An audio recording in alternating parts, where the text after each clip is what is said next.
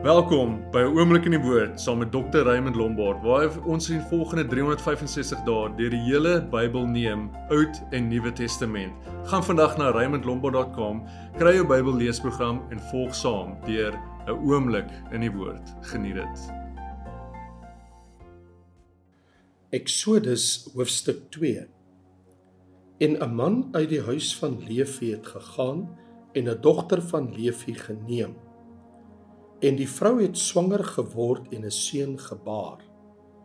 En toe sy sien dat hy mooi was, het sy hom 3 maande lank weggesteek.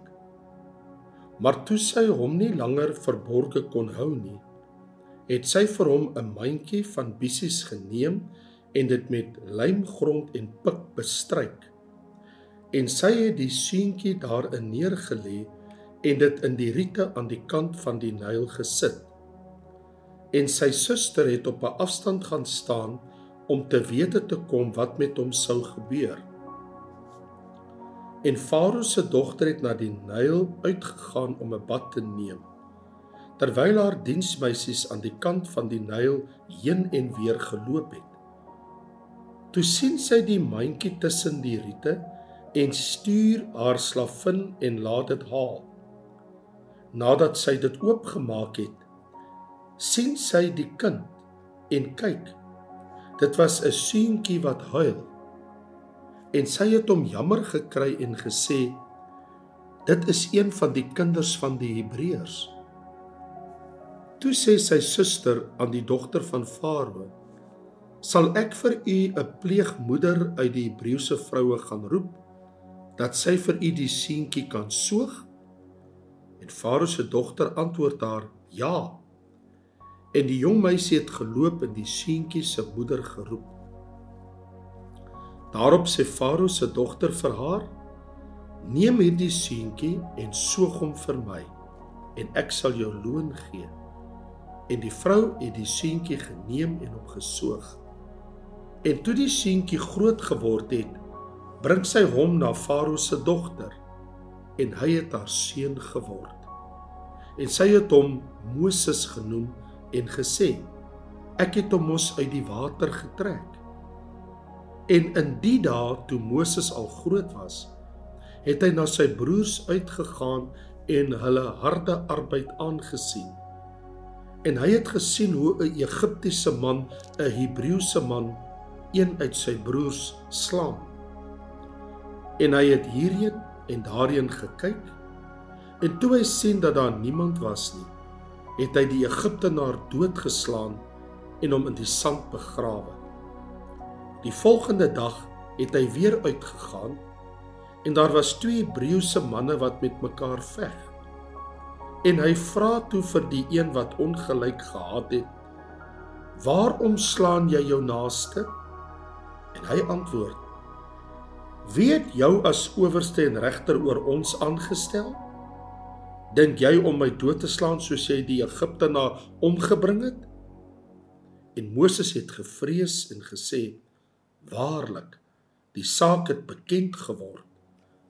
En toe Farao van die saak hoor, het hy probeer om Moses dood te maak, maar Moses het van Farao af weggevlug en in die land Midian gaan woon en hy het by 'n put gesit En die priester van Midian het sewe dogters gehad. Die het gekom om die put en die drinkbakke vol te maak om hulle vader se kleinvee te laat drink. Maar die veewagters het gekom en hulle weggedrywe. Toe staan Moses op en help hulle en laat hulle vee drink. En toe hulle by hulle vader Reuel kom, sê hy: "Waarom kom julle vandag so gou?" En hulle antwoord: 'n Egiptiese man het ons uit die hand van die veewagters verlos. En hy het ook volop vir ons geput en die vee laat drink. Daarop sê hy vir sy dogters: "En waar is hy? Waarom het julle die man dan daar laat staan? Roep hom dat hy brood kan eet." En Moses het ingewillig om by die man te bly en hy het aan Moses sy dogter Sipora gegee. En toe sy 'n seun baar het hy hom Gersom genoem want hy het gesê ek het 'n vreemdeling in 'n vreemde land geword. En in daardie tyd het die koning van Egipte gesterwe. En die kinders van Israel het gesug en die kinders van Israel het geweet lag vanweë die slawerny en hulle het geroep om hulp oor hulle slawerny en dit het opgeklim tot God en God het hulle gekerm gehoor. En God het gedink aan sy verbond met Abraham, met Isak en met Jakob. En God het die kinders van Israel aangesien en God het hulle geken. Hoofstuk 3. En Moses het die kleinvee opgepas van sy skoonvader Jethro, die priester van Midian. En toe hy die klein vee agter die woestyn gedryf het, kom hy by die berg van God by Horeb. Daarop verskyn die engel van die Here aan hom in 'n vuurvlam uit 'n doringbos. En toe hy weer sien, brand die doringbos in die vuur, maar die doringbos word nie verteer nie. En Moses sê: "Laat ek tog nader gaan en hierdie groot verskynsel bekyk." waarom die doringbos nie verbrand nie. Toe die Here sien dat hy nuuskierig naderkom, roep God na hom uit die doringbos en sê: "Moses! Moses!" En hy antwoord: "Hier is ek." En hy sê: "Moenie naderkom nie. Trek jou skoene van jou voete af, want die plek waar jy op staan is heilige grond." Verder sê hy: Ek is die God van jou vader, die God van Abraham, die God van Isak en die God van Jakob. Toe het Moses sy aangesig verberg want hy was bevrees om God aan te sien. En die Here sê: Ek het duidelik gesien die ellende van my volk wat in Egipte is. En ek het hulle jammerklagte oor hulle drywers gehoor. Ja, ek ken hulle smarte. Daarom het ek neergedaal om hulle uit die hand van die Egiptenaars te verlos en hulle te laat optrek uit daardie land na 'n goeie en wye land. Na 'n land wat oorloop van melk en honing. Na die woonplek van die Kanaaniete en Hittite en Amorite en Ferisiete en Hewite en Jebusiete. En nou, kyk, die jammerklagte van die kinders van Israel het tot by my gekom. Ook het ek die verdrukking gesien waarmee die Egiptenaars hulle verdruk. Gaan dan nou heen dat ek jou na Farao kan stuur en lei my volk, die kinders van Israel uit Egipte uit. Maar Moses het tot God gespreek: Wie is ek dat ek na Farao sou gaan en dat ek die kinders van Israel uit Egipte sou lei? En hy antwoord: Ek sal met jou wees. En dit sal vir jou 'n teken wees dat ek jou gestuur het. As jy die volk uit Egipte gelei het, sal julle op hierdie berg God dien. Hierop het Moses tot God gespreek. Maar as ek by die kinders van Israel kom en aan hulle sê, die God van julle vaders het my na julle gestuur en hulle my vra, "Hoe is sy naam?" Wat moet ek hulle antwoord? En God sê vir Moses, "Ek is wat ek is." Ook sê hy, "So moet jy die kinders van Israel antwoord, "Ek is het my na julle gestuur. Toe sê God verder vir Moses: Dit moet jy aan die kinders van Israel meedeel. Die Here, die God van julle vaders, die God van Abraham, die God van Isak en die God van Jakob, het my na julle gestuur. Dit is my naam vir ewig. En dit is my gedenknaam van geslag tot geslag gaan heen en versamel die oudstes van Israel en sê vir hulle Die Here, die God van julle vaders, het aan my verskyn. Die God van Abraham, Isak en Jakob en het gesê: Ek het terdee ag gegee op julle en op wat julle in Egipte aangedoen is.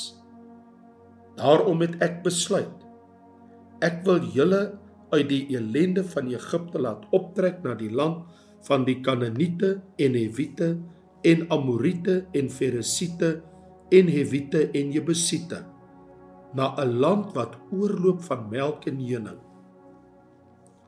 En hulle sal na jou luister.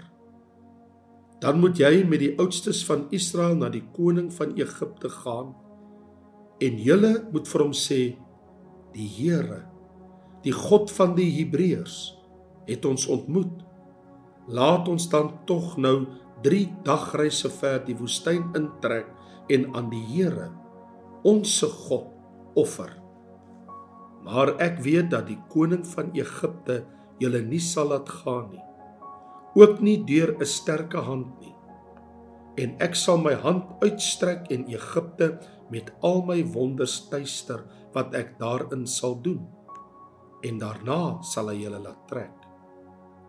En ek sal aan hierdie volk guns verleen in die oë van die Egiptenaars. En as julle dan trek, moet julle nie met leë hande trek nie. Maar elke vrou moet van haar buurvrou en van haar wat in haar huis vertoef silwer en goue voorwerpe en klere eis en julle moet dit op julle seuns en dogters sit en so Egipte berowe Matteus hoofstuk 18 In daardie uur het die disippels na Jesus gekom en gesê Wie is tog die grootste in die koninkryk van die hemele? Toe roep Jesus 'n kindjie na hom en laat hom in hulle midde staan en hy sê: "Voorwaar ek sê vir julle, as julle nie verander in soos die kindertjies word nie, sal julle nooit in die koninkryk van die hemele ingaan nie. Elkeen dan wat homself verneder soos hierdie kindjie, hy is die grootste in die koninkryk van die hemele." En elkeen wat een van sulke kindertjies in my naam ontvang, ontvang my. Maar elkeen wat een van hierdie kleintjies wat in my glo, laat struikel.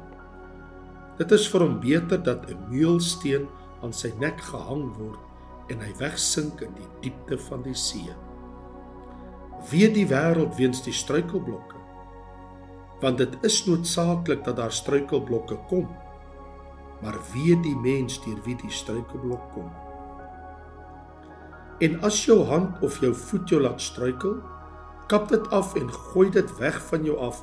Dit is vir jou beter om in die lewe in te gaan krepeel of vermink as om twee hande of voete te hê en in die ewige vuur gewerp te word. En as jou oog jou laat struikel, ruk dit uit en werp dit weg van jou af. Dit is vir jou beter om met een oog in die lewe in te gaan as om twee oë te hê en in die helse vuur gewerp te word. Pas op dat julle nie een van hierdie kleintjies verag nie. Want ek sê vir julle dat hulle engele in die hemele altyd die aangesig sien van my Vader wat in die hemele is. Want die seun van die mens het gekom om te red wat verlore is. Wat dink julle?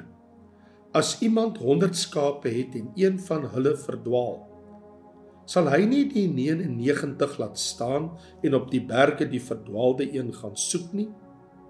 En as hy hom kry, voorwaar ek sê vir julle dat hy blyer is oor hom as oor die 99 wat nie verdwaal het nie. So is dit nie die wil van julle Vader wat in die hemele is dat een van hierdie kleintjies verlore gaan nie. En as jou broeder teen jou sondig, gaan bestraf hom tussen jou en hom alleen. As hy na jou luister, dan het jy jou broeder gewin. Maar as hy nie luister nie, neem nog een of twee met jou saam, sodat in die mond van twee of drie getuies elke woord kan vas staan. En as hy na hulle nie luister nie, sê dit aan die gemeente. En as hy na die gemeente ook nie luister nie, laat hom vir jou wees soos die heiden en die tollenaar.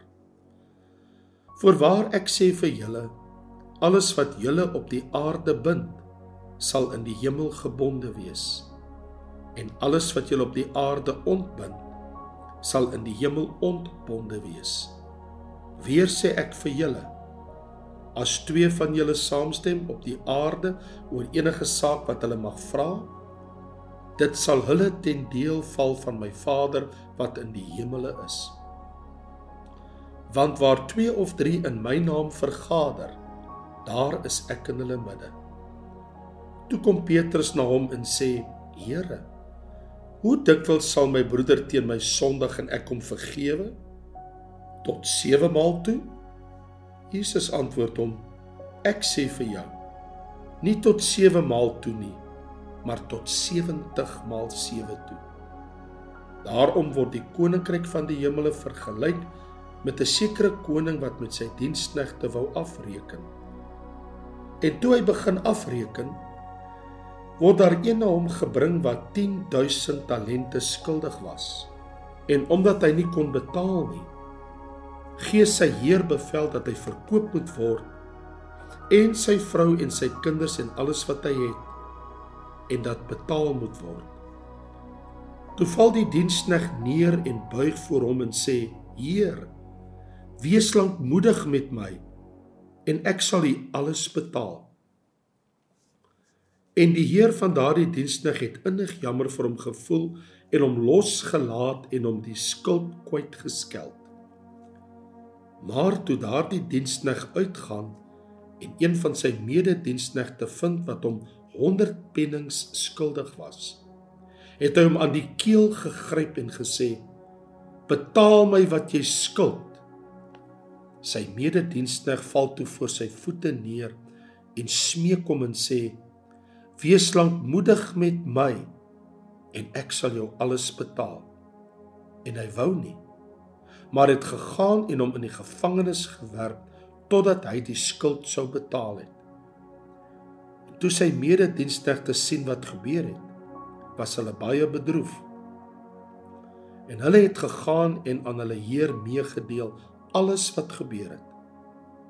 Daarop roep sy heer hom en sê vir hom: "Jou slegte dienskneg, al daardie skuld het ek jou kwyt geskeld omdat jy my gesmeek het moes jy nie jou medediensneg ook barmhartig wees soos ek jou ook barmhartig gewees het nie? En sy Here het hom in toorn oorgegee aan die pynigers totdat hy sou betaal het alles wat hy hom skuldig was. So sal ook my hemelse Vader aan julle doen as julle nie elkeen sy broeder van harte sy oortredinge vergewe nie. Dankie dat jy by ons ingeskakel het. Ons vertrou dat die woord vir jou tot seën was. Skakel gerus môre in waar ons verder lees in die woord.